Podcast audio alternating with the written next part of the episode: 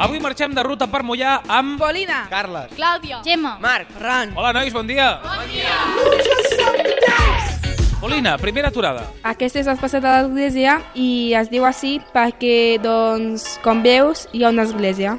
Molt bé, està molt ben posat el nom de la plaça. La gent ve, a, ve aquí per prendre un cafè, per xerrar o simplement doncs, per passar el temps. Escolta, Polina, aquest nom teu d'on ve? De Rússia. Home, doncs aprofito, sempre he volgut fer una pregunta. L'ensaladilla russa és de Rússia? Niet és, és francesa. Les muntanyes russes sí que són vostres, no? Niet són de Mèxic. I vostra, vostra, que hi ha? Vodka. Molt bé, Carles, i de l'església marxem cap a on? Cap al cau. I per on cau?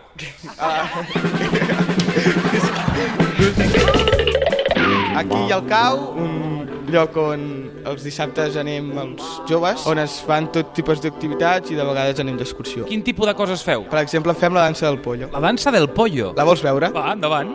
El pollo, el pollo con una pata, el pollo con las dos patas, el pollo con las alitas, el pollo con la colita, y el pollo eres tú. You're always shy.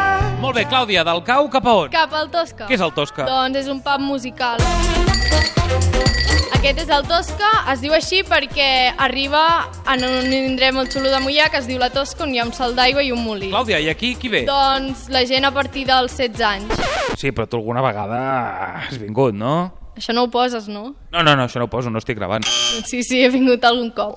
Que vens amb el nòvio. No ho poses, eh, segur. No, que no, que no veus que no gravo. Doncs sí, amb el nòvio algun cop. Espero, Clàudia, que no ho estiguin escoltant els teus pares, eh? Però no m'has dit que no gravaves.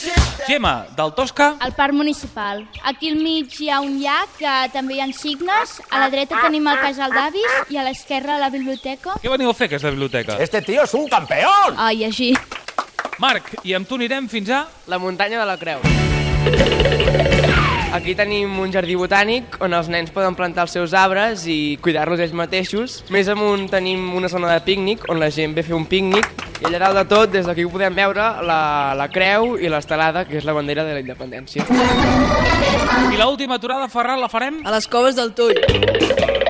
Aquestes coves són conegudes perquè fa molts anys es van trobar restes prehistòriques i la gent de Mollà, com a mínim, hem vingut un cop aquí a les coves del Tull. És un lloc turístic típic del poble. Molt bé, nois, doncs us deixo passejant per les coves del Toll. Gràcies per la visita per Mollà, m'ha agradat molt. Que vagi bé, bon dia. Bon dia!